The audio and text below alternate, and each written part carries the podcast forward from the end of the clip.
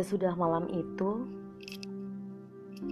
bila kami bertemu, bibir saya membuka untuk mengatakan sesuatu yang teringat, tetapi segera itu pula terlupakan lagi. Hati saya berdebar dengan rasa takut atau dengan suatu perasaan mirip ketakutan. Saya ingin menggapai dan meraih tangannya tetapi dia akan masuk ke dalam kelas atau meninggalkannya sesudah pelajaran usai tanpa terlihat ia memperhatikan kehadiran saya. Apabila kebetulan ia melihat saya, itu terjadi dengan cara yang sama seperti ia melihat pada siapa saja di antara murid-muridnya. Di tempat tidur, sebelum tidur, saya bertanya-tanya dalam hati. Apakah Nona Iqbal telah lupa? Sejenak kemudian Wafea akan menggeser tempat tidurnya ke dekat tempat tidur saya dan bertanya. Lupa apa? Aku tak tahu Wafea. Kau hidup di dunia penuh hayalan Firdaus. Sama sekali tidak, Wafea. Itu memang terjadi. Kau tahu. Apa yang terjadi? Selidiknya. Saya berusaha untuk menjelaskan tentang apa yang telah terjadi, tetapi saya tidak tahu bagaimana cara melukiskannya. Atau untuk lebih tepatnya, saya tak dapat mengatakan Seakan-akan sesuatu telah terjadi yang saya tak sanggup mengingatnya kembali, atau seolah-olah tak terjadi apa-apa sama sekali. Saya pejamkan mata dan berusaha untuk mengembalikan adegan peristiwa itu. Perlahan-lahan muncullah dua lingkaran yang teramat hitam yang dilingkari dua cincin yang berwarna putih. Semakin saya memandang ke arahnya, semakin besar mereka tumbuh membengkak di hadapan mata saya. Lingkaran yang hitam tetap tumbuh sampai mencapai ukuran sebesar bumi, dan yang putih membengkak sampai menjadi gumpalan yang sangat putih, besarnya sebesar matahari. Mata saya sendiri menghilang ke dalam warna hitam dan putih sampai menjadi buta oleh kekuatan yang dahsyat. Kedua mata saya tak kuasa lagi menangkap yang satu maupun yang lainnya. Bayangan-bayangan di hadapan mata saya menjadi kacau. Saya tak dapat membedakan lagi muka ayah dan muka ibu, paman, Muhammad Dain, Iqbal, Wafea. Saya membuka mata lebar-lebar seperti dalam keadaan panik akan terkena kebutaan. Saya dapat melihat bentuk muka Wafea di hadapan saya di dalam kegelapan. Dia masih bangun dan saya dengar dia berkata, Firdaus, apakah kau jatuh cinta kepada Nona Iqbal? Aku, kata saya dengan rasa heran. Ya, kau, siapa lagi? Tak pernah, Wafea. Lalu, apa sebabnya kau bicara tentang dia setiap malam? Aku bicara tentang dia. Itu tak benar. Kau selalu melebih-lebihkan Wafea. Nona Iqbal adalah seorang guru yang baik sekali. Ulasnya. Ya, saya setuju. Tetapi dia perempuan. Bagaimana bisa jadi saya jatuh cinta kepada seorang perempuan?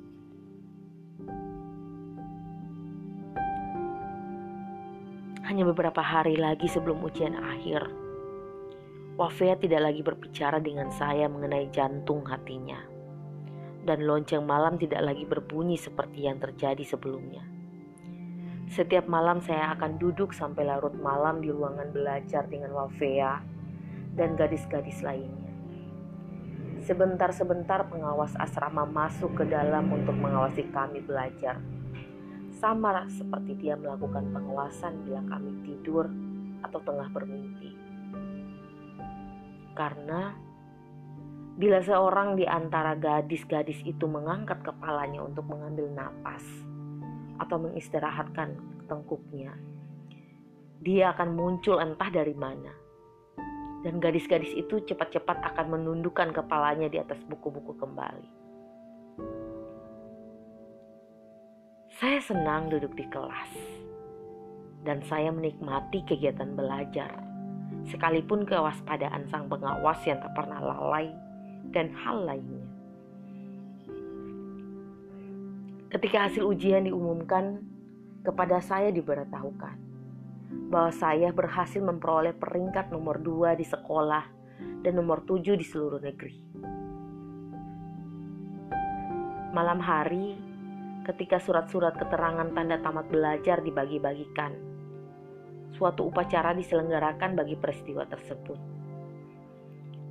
Kepala sekolah memanggil nama saya di dalam bangsal yang penuh sesak oleh ratusan ibu, ayah, dan kerabat-kerabat lainnya dari para gadis tetapi tak ada yang berdiri atau berjalan ke depan untuk menerima surat ijazah saya. Kesunyian yang mendadak mencegam bas bangsal. Kepala sekolah menyerukan nama saya untuk kedua kalinya. Saya berusaha untuk berdiri, tetapi kaki saya tak mau bergerak. Saya berseru sambil duduk. Hadir! Saya melihat semua berputar ke arah saya. Mata yang tak terhitung banyaknya telah berubah dalam pandangan saya menjadi cincin-cincin yang tak terbilang jumlahnya. Cincin berwarna putih yang mengelilingi lingkaran-lingkaran yang tak terhitung banyaknya. Yang berwarna hitam yang berubah menjadi suatu gerakan lingkaran yang terpadu untuk memusatkan pandangannya secara tetap ke dalam mata saya. Kepala sekolah berseru dengan suara memerintah. Jangan menjawab sambil duduk. Berdirilah. Saya menyadari bahwa saya sudah berdiri tegak pada waktu lingkaran-lingkaran putih dan hitam itu bergerak ke atas. Dalam suatu gerak serentak untuk sekali lagi melihat ke mata saya. Kepala sekolah berseru kembali dengan suara yang begitu kerasnya yang bergema di dalam telinga saya lebih keras dari suara apa pun yang pernah saya dengar sebelumnya selama hidup saya. Di mana walimu? Kebisuan yang mencekam meliputi bangsa itu. Suatu kesunyian yang memiliki pemantulan, suaranya sendiri. Udara bergetar dengan suara yang ganjil dan suara orang bernapas yang keluar dari banyak dada memiliki nada berirama yang sampai kepada saya di belakang bangsal yang penuh sesak itu. Kepala-kepala mereka kembali berputar pada kedudukan semula. Dan saya berdiri menatap baris demi baris punggung mereka yang duduk tegak di jajaran bangkunya masing-masing. Dua mata hanya dua mata yang menatap terus mata saya. Betapa jauhnya saya memalingkan pandangan saya, atau betapapun saya menggerakkan kepala saya. Kedua mata itu mengikuti saya dan mempererat pegangannya. Segalanya sekarang telah diselimuti kegelapan yang semakin pekat. Dan di dalamnya saya tak kuasa lagi membedakan cahaya yang sekecil apa pun dari sepercik sinar. Kecuali dua mata berwarna hitam yang dilingkari dua cincin putih yang bersinar-sinar. Semakin saya pertajam pandangan saya kepadanya, semakin kelam warna hitam dan putihnya, seakan-akan diilhami oleh sebuah cahaya dari sumber gaib. Karena bangsal itu diliputi kegelapan yang menyeluruh, dan malam di luar pun seakan-akan seperti cairan arang batu. Bagi saya seolah-olah saya mengulurkan tangan di tengah kegelapan dan meraih tangannya. atau dia yang muncul di tengah kegelapan meraih tangan saya. Sentuhan yang tiba-tiba itu membuat tubuh saya gemetar dengan rasa nyeri yang mendalam sampai menyerupai rasa nikmat. Atau rasa nikmat yang begitu mendalamnya sampai mendekati rasa nyeri. Itu adalah rasa nikmat yang jauh dikubur di kedalaman yang begitu dalam seakan-akan telah muncul di waktu yang telah lama berlalu daripada yang dapat diingat. Lebih tua dari tahun-tahun perjalanan hidup yang masih ada dalam ingatan. Sesuatu yang tidak begitu cepat diingat dan segera dilupakan. Seperti telah terjadi sekali sebelumnya.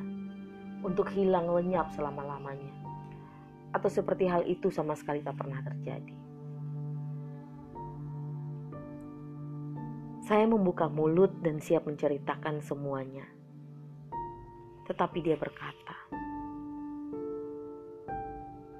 "Jangan berkata apa-apa, Firdaus." Dia menuntun tangan saya melalui jajaran demi jajaran banyak orang sampai kami menaiki panggung tempat kepala sekolah berdiri. Dia mengambil surat tanda tamat belajar, kemudian mencantumkan tanda tangannya untuk menyatakan bahwa dia pun telah menyerahkan kepada saya surat keterangan prestasi luar biasa. Kepala sekolah membaca nilai yang telah saya peroleh bagi setiap mata pelajaran dan saya dengar suara bising di dalam bangsal yang menyerupai suara tepuk tangan. Kepala sekolah mengangkat tangannya yang memegang sebuah kotak yang dibungkus kain berwarna dan diikat kain sutra berwarna hijau. Saya mencoba untuk mengulurkan tangan saya, tetapi tak berhasil untuk menggerakkannya. Sekali lagi samar-samar saya melihat Nona Iqbal mendekati kepala sekolah. Dia mengambil bingkisan itu dari tangan beliau dan membimbing saya kembali berjalan melalui deretan orang ke tempat saya duduk semula. Saya lalu duduk, meletakkan ijazah di bangkuan, dan meletakkan kotak di atasnya.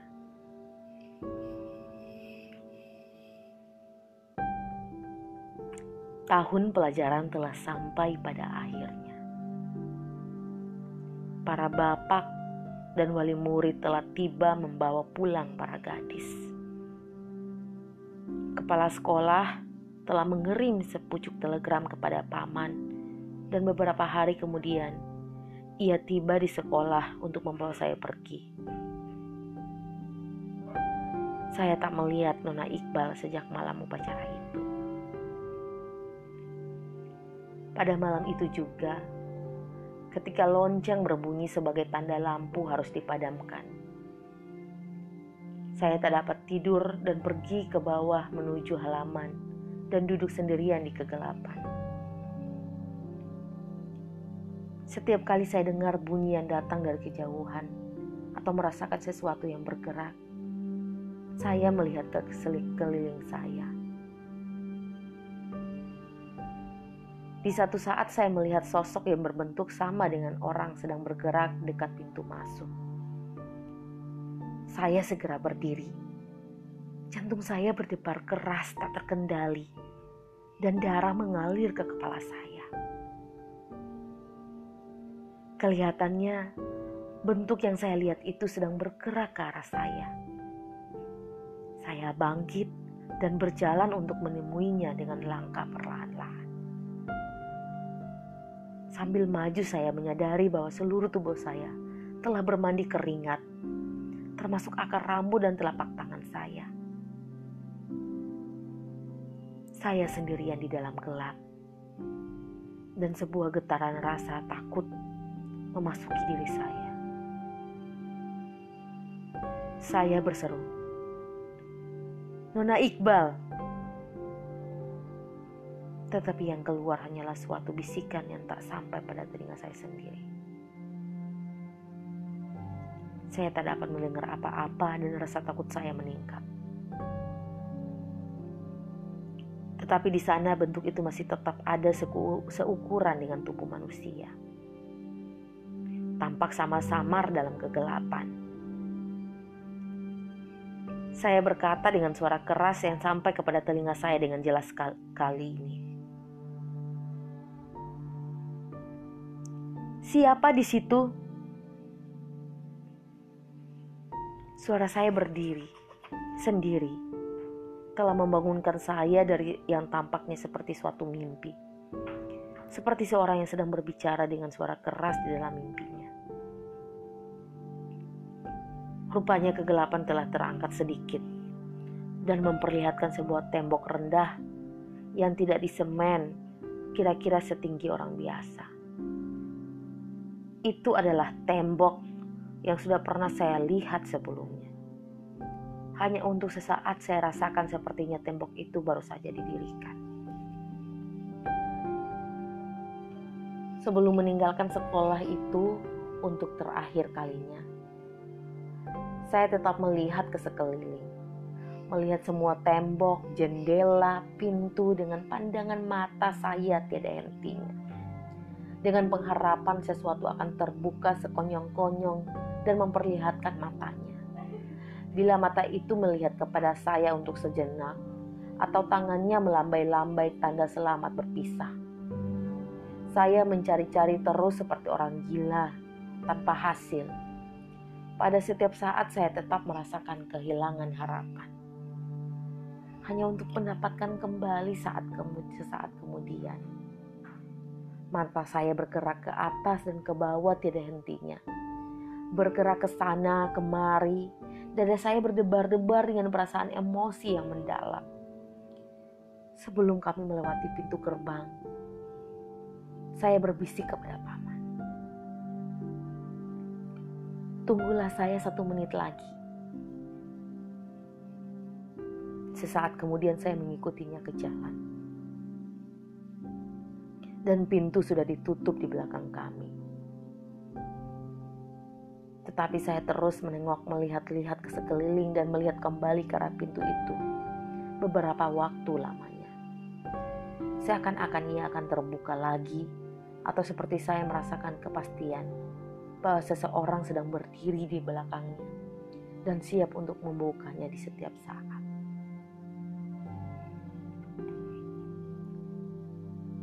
Saya berjalan dengan langkah-langkah yang berat di belakang paman, membawa serta bayangan pintu yang tertutup itu yang terukir di benak saya. Pada waktu makan atau minum atau berbaring untuk tidur, pintu itu ada di hadapan saya saya tahu bahwa saya sekarang telah kembali di rumah paman. Perempuan yang tinggal bersamanya adalah istrinya. Dan anak-anak yang berlari-larian di dalam rumah adalah anak-anak mereka. Tak ada tempat di rumah ini untuk saya. Kecuali di atas dipan. Sebuah dipan yang kecil ditempatkan di ruang makan dekat dengan tembok tipis yang memisahkan ruangan itu dengan ruangan tidur. Dan dengan begitu setiap malam saya dapat mendengar suara mereka yang direndahkan, berbisik-bisik di balik tembok pemisah itu. Tidak mudah untuk mencari pekerjaan seseorang sekarang ini apabila yang kau miliki hanyalah ijazah sekolah menengah. Lalu apa yang bisa ia perbuat sekarang?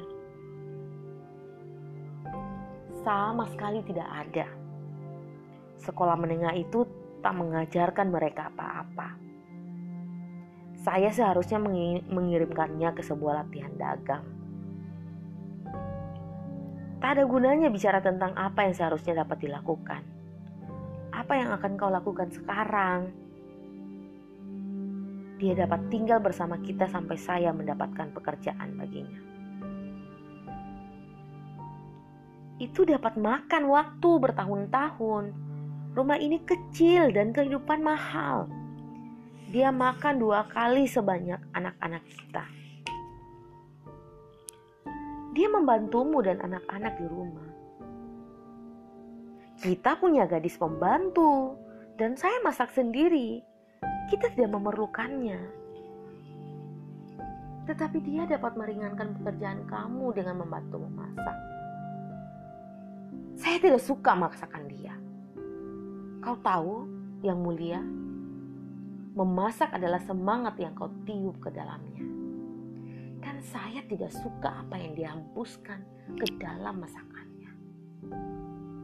Dan kau juga tidak. Kau tidak ingat okra yang dimasaknya untuk kita. Kau katakan kepadaku bukannya okra yang telah terbiasa bagimu untuk dimakan bila aku membuatnya dengan tanganku sendiri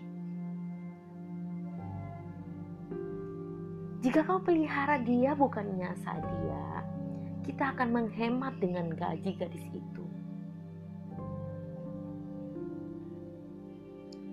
Dia tidak akan dapat menggantikan Sadia. Sadia seorang yang lincah geraknya dan cekatan. Dan ia bekerja sepenuh hati. Tambahan pula dia tidak begitu senang pada makanan atau tidur berjam-jam lamanya. Tetapi gadis ini setiap gerakannya lamban dan berat. Dia berdarah dingin dan sikapnya kurang hati-hati. Apa yang akan kita perbuat dengannya? Kita bisa bebas dari dia dengan mengirimkannya ke universitas. Di sana dia dapat tinggal ya sama putri. ke universitas, ke suatu tempat di mana dia akan duduk bersebelahan dengan laki-laki. Seorang syekh dan laki-laki yang saleh macam aku ini akan mengirimkan kemenakan untuk berbaur dengan kumpulan orang laki-laki. Di samping itu, dari mana kita mencari uang untuk biaya hidup dan buku serta bajunya? Kau tahu betapa tingginya biaya hidup sekarang ini. Harga-harga seperti bertambah gila. Dan gaji pegawai pemerintah hanya naik sedikit sekali. Yang mulia, aku punya gagasan yang bagus. Gagasan apa itu? Pamanku, Syekh Mahmud, adalah seorang yang terhormat. Dia punya pensiun yang besar dan tak punya anak-anak. Dan ia masih hidup sendirian sejak istrinya meninggal tahun yang lalu. Bila ia menikah dengan Firdaus, Firdaus akan memperoleh kehidupan yang baik bersamanya. Dan ia akan mendapatkan pada diri Firdaus seorang istri yang penurut, yang akan melayaninya dan akan meringankan kesunyiannya. Firdaus telah bertambah besar yang mulia dan harus dikawinkan. Terlalu banyak risikonya bagi Firdaus bila terus-terusan tak bersuami. Dia adalah seorang gadis yang baik, tetapi dunia ini sudah penuh dengan bergacul. Aku setuju dengan kamu. Tapi si Mahmud terlalu tua bagi dia. Siapa bilang dia sudah tua? Dia baru saja pensiun tahun ini. Dan Firdaus pun tidak terlalu muda. Gadis-gadis seusia dia sudah kawin bertahun-tahun sebelumnya dan sudah melahirkan anak. Seorang yang tua tapi yang dapat dipercaya masih lebih baik daripada seorang yang muda yang memperlakukannya dengan cara yang menghina atau memukul. Anda tahu bagaimana orang muda zaman sekarang. Aku setuju dengan kau. Tetapi kau jangan lupa cacatnya yang terlihat benar di mukanya. Cacat? Siapa bilang itu sebuah cacat? Selain itu yang mulia, seperti biasa dikatakan, tiada yang memalukan seorang lelaki kecuali kantongnya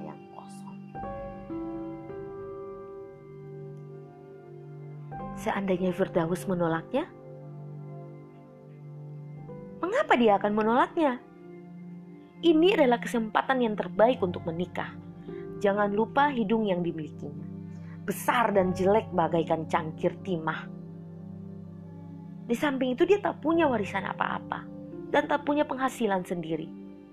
kita tidak akan dapat memperoleh suami yang lebih baik bagi dia daripada Syekh Mahmud. Kau pikir Syekh Mahmud akan menerima dengan senang hati gagasan ini? Jika aku bicara dengannya, aku yakin dia akan setuju. Saya bermaksud untuk meminta mas kawin yang besar darinya. Berapa banyaknya? 100 pon atau barangkali malahan 200 jika ia punya uang.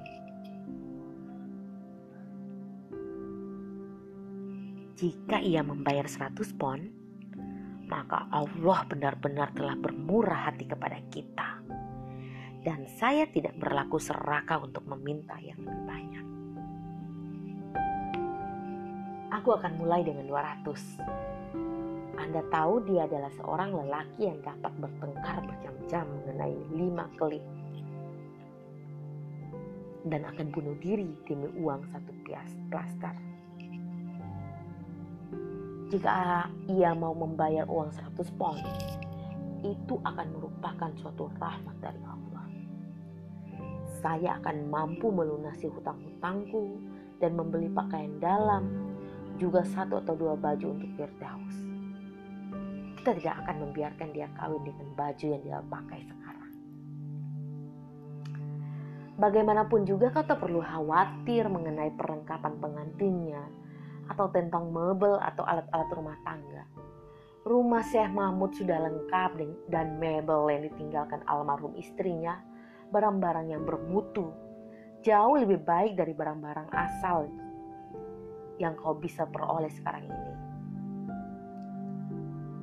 Untuk pastinya, apakah yang kau katakan itu sesuatu yang benar?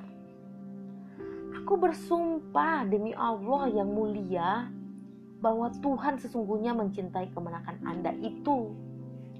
Karena itu ia akan benar-benar beruntung bila si Mahmud setuju untuk mengawininya. Kau pikir dia mau? Dan mengapa dia akan menolak? Dengan perkawinan ini dia akan berkerabat dengan seorang syekh dan orang saleh yang terhormat. Bukankah itu sendiri sudah menjadi alasan yang cukup baginya untuk menerima usul itu? Barangkali dia sedang berpikir untuk mengambil seorang perempuan dari keluarga yang kaya. Kau tahu bagaimana dia menyembah plaster? Dan apakah yang mulia menganggap diri sendiri sebagai seorang yang miskin? Kita bernasib lebih baik daripada kebanyakan orang lainnya. Terima kasih kepada Allah untuk segala-galanya. Sungguh, kita penuh dengan rasa terima kasih kepada Allah untuk segalanya yang Dia telah limpahkan kepada kita. Semoga Dia selalu terpuji dan diagungkan. Sungguh hati kita benar-benar penuh dengan rasa syukur kepada Allah yang Maha Kuasa. Dalam hayalan, saya hampir dapat melihat paman mencium telapak dan punggung tangannya sendiri. Dan kemudian terdengar ia mencium telapak tangan istri melalui dinding pemisah yang tipis itu. Suara kecupan dari kedua ciuman itu sampai ke saya, satu demi satu. Dan sejenak kemudian berulang kembali ketika dia menggerakkan kedua bibirnya ke arah tangan. Atau barangkali ke arah lengan, atau kaki istrinya. Karena saya mulai mendengar istrinya memprotes. Tidak, yang mulia tidak sambil mengelakkan lengan atau kaki dari pelukan suaminya. Disusul oleh suara, suaminya, bergumam dalam nada yang lembut, direndahkan, yang hampir menyerupai rangkaian singkat cuman-cuman baru. Apa yang tidak perempuan? Tempat tidur keduanya berderi, dan saya sekarang dapat mendengar suara napas mereka. Tak teratur, berdesah, dan suara istrinya manakala kembali memprotes. Tidak yang mulia, demi Nabi, tidak, ini hawa nafsu. Kemudian ada suaminya bertahan kembali mendesis. Kau perempuan, kau Nafsu apa? Dan apa nabi? Aku adalah suamimu dan kau adalah istriku. Tempat tidur berderik lebih keras di bawah tubuh mereka yang berat. Yang terkunci dalam suatu perjuangan. Bergantian saling mendekat dan menjauh di dalam suatu gerakan yang bersinambungan. Mula-mula lambat dan berat, kemudian secara bertahap beralih menjadi gerakan dengan kecepatan yang aneh. Hampir seperti gerakan yang kegila-gilaan iramanya. Yang menggoncangkan tempat tidur dan lantai. Di dinding di antara kami dan malahan di pan tempat saya berbaring. Saya merasa tubuh saya bergetar bersama Dipan. Napas saya menjadi semakin cepat sedemikian rupa sehingga setelah sejenak saya pun melalui telah engah dengan kegilaan yang serupa. Kemudian perlahan-lahan ketika gerakan mereka berkurang, suara napas menjadi sunyi kembali. Dan lambat laun pun saya pun kembali menjadi tenang. Napas saya menjadi wajar dan teratur. Dan saya tertidur dengan tubuh bermandikan keringat.